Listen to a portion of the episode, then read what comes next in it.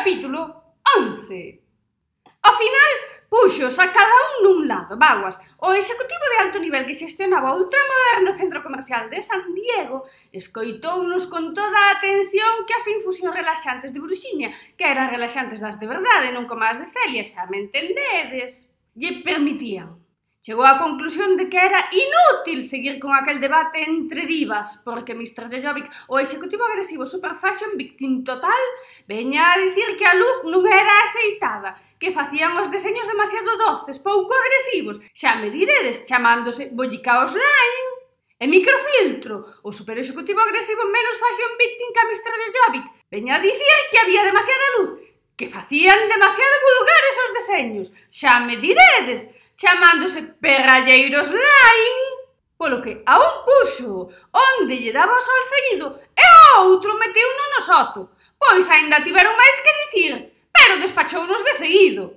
Díxolles que ou conformaban ou que falaba con Ortega que non poñía peros ningún.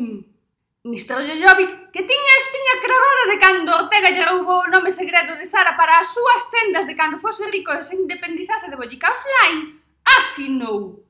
Microfiltro, o ver que o seu competidor directo asinaba, tamén asinou, por non dar o brazo a torcer e deixarlle o campo libre tan facilmente.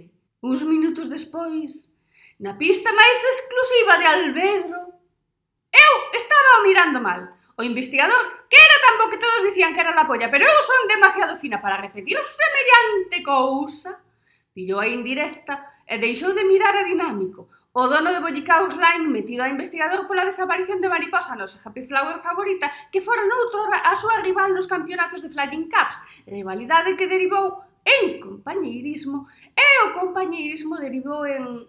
xa me entendedes. Como o seu socio empregado ideal. Ainda que lle quedou ese desacougo do que podría chegar a ser.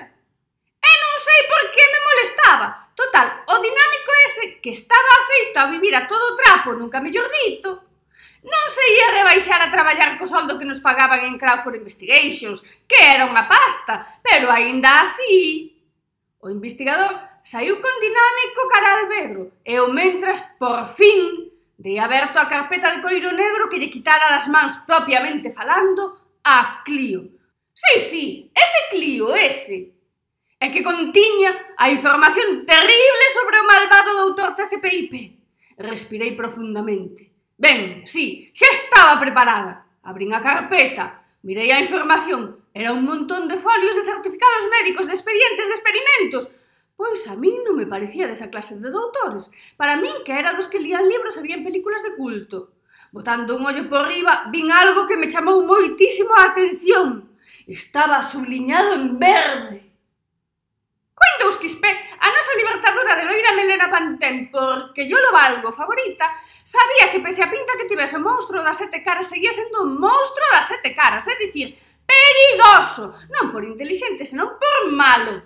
Tratou de chamar a capítulo o resto das nosas heroínas, pero non o daba conseguido. O taxista que se contaxou da risa frouxa que lle dera as nosas heroínas tivo que frear en seco para parar o taxi porque non se vía en condicións de manter firme o volante E sería ilegal e o que queirades, pero era un tipo serio.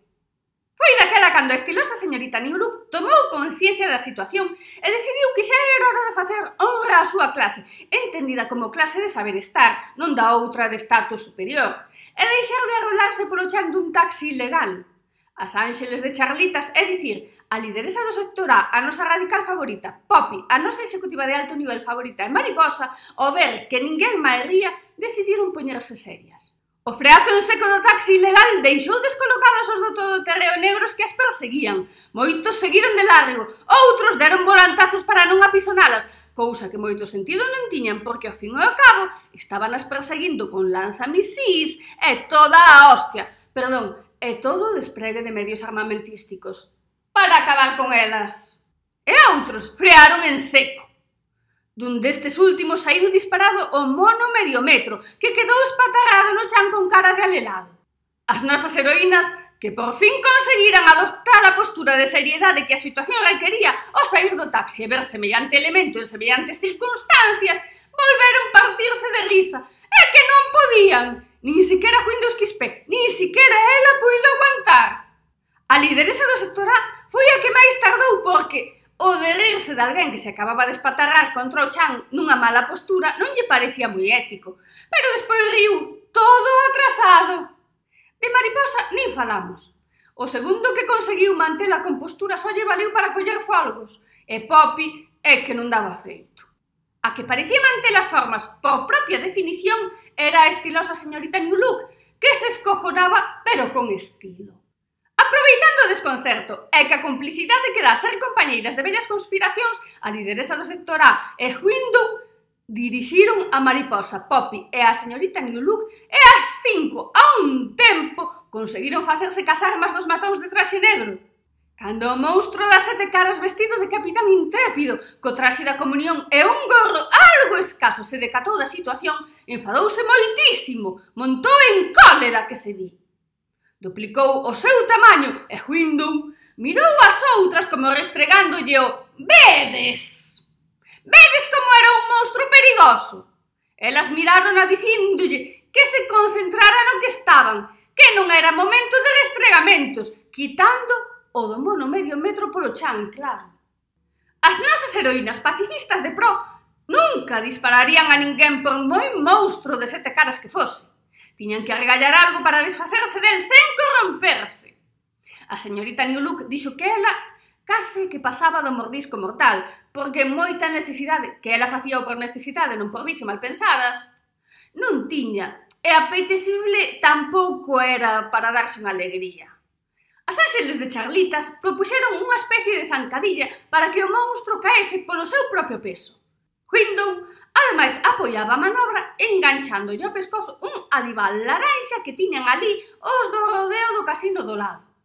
Pero non fixo falta. Xa a NAO, a nosa executiva agresiva favorita, avisara ao FBI, que a súa vez avisara a CIA, que lle dera un toque aos marines, que trouxeran toda a maquinaria de guerra americana que isto de ser os pacificadores do mundo tenche estas cousas. Aproveitando o desconcerto de tanto despregue, a nao apareciu conducindo como unha tola un daqueles todoterreos, freou en seco, abriu, e as nosas heroínas entraron sen pensalo, pisou a fondo o acelerador.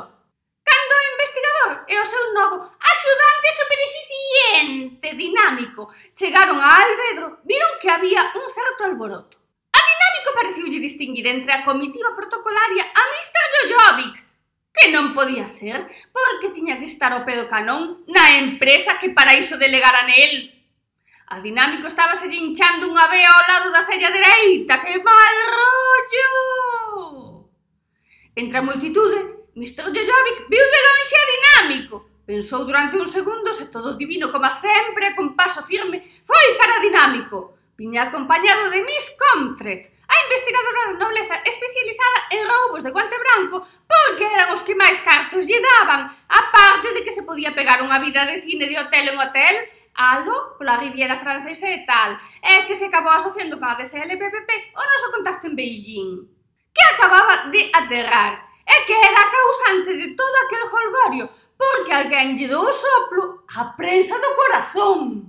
Miss Contret nin de longe esperaba tal recibimento, pero tampouco lle importaba, porque se algo lle permitía estar podre de basta, perdón, ter un alto poder adquisitivo, era estar sempre a última moda e seguir ao pé da letra os mandados das pasarelas internacionais. O seu encontro con Mr. Jojovic foi, como esperaban ambos, moi emotivo. Por fin, por fin na miña casa, pensaba Mr. Jojovic, facendo cálculos mentais do impresionada que ia quedar Miss Contret cando viso o seu ático acristalado, decorado a ultimísima moda, cos deseños máis exclusivos e os detalles máis impresionantes. A Miss Contret, que a emoción de atoparse de novo co seu compañeiro favorito de festas da High Society, porque eran dúas pedazolurpias criticonas, a embargaba. Non tiña moitas esperanzas de pasalo ben, porque se todo era do nivel do aeroporto, Xa tiña estado en aeroportos mellor equipados aló cando iba aos safaris dos ricos clubs no medio da sabana africana. Pero ela colleu no con ánimo, e ver tanta prensa á súa espera animou una. O investigador quedou impresionado ca elegancia de Miss Contret, que se ben non igualaba a da estilosa señorita New Look, tiña un toque de distinción que a diferenciaba do resto dinámico. Non podía deixar de pensar que depositara nela a súa confianza para dirixir a empresa, e nin caso que lle fixa mis contract. Pero é que nin a viu. Iso sí, a vea do lado da cella hinchábaselle cada vez máis. Mr. Yoyabi, que...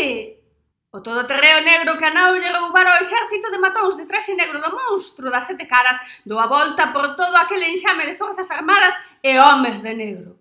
Tivo que frear en seco de novo, O conseguinte trastorno as nosas heroínas, que xa moi ben non ían. Fixo non por fastidiar, que a nao era moi agresiva a ela, pero moi boa xente tamén. E non quixo atropelar o mono medio metro que orguei a vista e toparse con Windows XP puxose colorado, aínda que vos pareza mentira Abaixou a cabeza, trataba de agochar un sentimento que viña desenvolvendo desde aquel episodio na mina de Juan Flores, onde a nosa libertadora sacara á luz a maior cantidade de cachimáns en desamais vistos xuntos na Coruña. En realidade, estaba namoradísimo da nosa Windon. Ela mirou uno, lembraba moi ben o seu sistema. E nadie non me quiere. E non lle daba lástima ningunha e pasaba ampliamente del aínda sen saber dos seus sentimentos, os do medio metro, quero dicir, cara a ela. El agachou a cara detrás das súas mans porque non quería que ela o vise en tan lamentable estado. De fondo soaba o Non me mires, non me mires, non me mires, non me, non me, non me, non me mires, déjalo ya. Pero non só me chamou a atención por estar subliñado en verde, porque unha pode ser algo lenta, aínda que estupenda por outra parte, pero tanto, tanto non. No meu despacho que non era meu, que era de Crawford, que andaba lo pola Riviera Francesa living la vida loca cun home moi importante do que non se pode dicir o nome, pero eu xa dixen as iniciais que son J.M. por puro amor ao cotilleo, xa que total a exclusiva non me pagan, e polo menos dou mo gusto, que tamén me deu o gusto de dicir o nome que era John, e pronto seguirei dándome máis gusto que cando me poño. Bueno, isto non é o que parece, referíame o gusto como satisfacción. Bueno, xa me entendedes, non non, non, satisfacción xa me entendedes, non mal pensadas. Satisfacción en sí. Respirabas un aire de misterio. Na fiestra estaba mirando a Bretema. E quen sabe se alguén máis aló a fondo. Xa o coñecía, anticipouse a calquera reproche que lle poidese facer. Ben lle vía a vea hinchada, e xa sabía que aquilo non podía ser bo. Sacou da súa bolsa superfaxe un último modelo buraco negro sin fondo tipo mariposa, uns calmantes vitaminados de natoterapia, que estaba moi de moda entre os executivos de alto nivel. Dinámico, ao ver que Mr. Jojovic seguía sendo o eficiente sudante de sempre, xa se relaxou e incluso sorriu cando viu a caixa dos calmantes vitaminados. Miss Comtret viu algo provinciana aquela estea e case lle estaba pesando de vir á esquina do mundo, por moi ben que conseguira aterrar o seu jet privado sen caer ao mar, e por moita prensa que a estivese agardando. Pero Mr. Jojovic puxo o tanto de que era a única manía que tiña dinámico e que mira, para ser xefe tampouco era tanto, e ben lle podía cumplir o capricho nese aspecto. Miss Comtret decidiu darnos unha oportunidade máis, O investigador ofreciuse a achegala á cidade. Palabras textuais, algo que a Miss Comtret xa lle parecía inconcebible. Pero tan pequena era a cidade que nin sequera chegaba onde estaba o aeroporto. Mr. Jojovic, anticipándose a resposta de Miss Comtret, máis que nada para suavizar a negativa, díxolle que non era preciso, que xa tiñan coche. Se non fose tan fina, diría que un cochazo de la hostia, que Miss Comtret era fina, Pero Mr. Jojobic non lle andaba lonxe. E quedaron con non sei quen. Escusa barata por moi finos que fosen estes dous. E que tal e que cual. O investigador, facendo gala do seu talante discreto, aceptou sen máis a excusa barata destes dous por moi finos que fosen e seguiron co seu. Dinámico, o desgraciado que meu xefe consideraba mellor camín Cas pistas que xuntaran as súas labouras de investigación na oficina de Spistring, bueno, ou directamente con os pistrín, porque o dinámico nos seus aires de dono de multinacional da moda esquecendo o seu pasado de desfalcador, non quixo falar ca amable comercial que o atendía Sasser. Levaraos a talí. Na oficina de información, obviamente, non lles dixeron nada. Foron a pista de aterraxe e puxeronse a falar co persoal. Sí, había xente que dixera que vira a cinco tolas algo pasada sair dunha limusín un día pola mañá é meterse nun jet privado. E a outra, que non quixo ir pese ao moito que lle insistiron as que si subiron. Menos mal, dixo un machista. De suposto machista nada, era un machista integral. Que aquela tiña algo de sentido e volviu para a súa casa, que era onde tiñan que estar todas. O investigador dou gracias de que as do movimento supostamente feminista radical do conflicto aquel do garito antro do amigo de Clio Timofónica non estivese ali, dinámico, tomou nota moi eficientemente. Este quería quitarme o emprego que eu estaba vendo. Da descripción que fixo o machista da outra. A única con sentido, según el. Así Albedro con semellante persoal. Dinámico insistiu en seguir investigando ali. Pero o investigador Xa tiña información da bondo para continuar cas averiguacións, polo que deixou ali o seu momentáneo axudante e baixou el só para a cidade. De camiño ia sorrindo ao lembrar a cara que puxera Miss Comtret ao dicirlle iso de que os levaba á cidade. Ia distraído. Parou no semáforo, porque distraído sí, pero controlando. De fondo, comezaron a soar violíns. A música envolvía-o suavemente A Orquesta Sinfónica uniuse á banda sonora. No paso de peóns parou en frente ao seu coche unha melena rubia. Bueno, unha muller con melena rubia que brillaba co sol. Erguiu a vista e quedou mirando afixamente. Sí, era a mesma da outra vez. Agora viuna con máis claridade. Estaba sentado e podía concentrarse mellor. Ela sorriulle, chiscoulle un ollo El sorprendiuse e analizouna. Facíaselle familiar. Sí, aqueles ollos soabanlle de algo. Ela lanzoulle un bico e desapareciu. El seguiu na camirada, arrancou o aviso dos pitidos dos coches de atrás e alle dando voltas e máis voltas.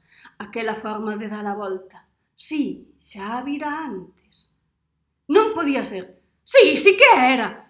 Non, non podía. En realidade, el non nunca a vira sen o traxe de coiro negro, podía ser. Aqueles ollos. Pero se a muller de melena rubia que brillaba co sol era en realidade Catwoman, porque tiña unha banda sonora distinta. Por que se ia arriscar Catwoman a que ninguén averiguase a súa identidade real? Por que? Subía no ascensor chegando a Crawford Investigations pensando nos porqués. Abriu a porta pensando. Entrou no seu despacho e... Case morre dun infarto! Estaba ali Catwoman!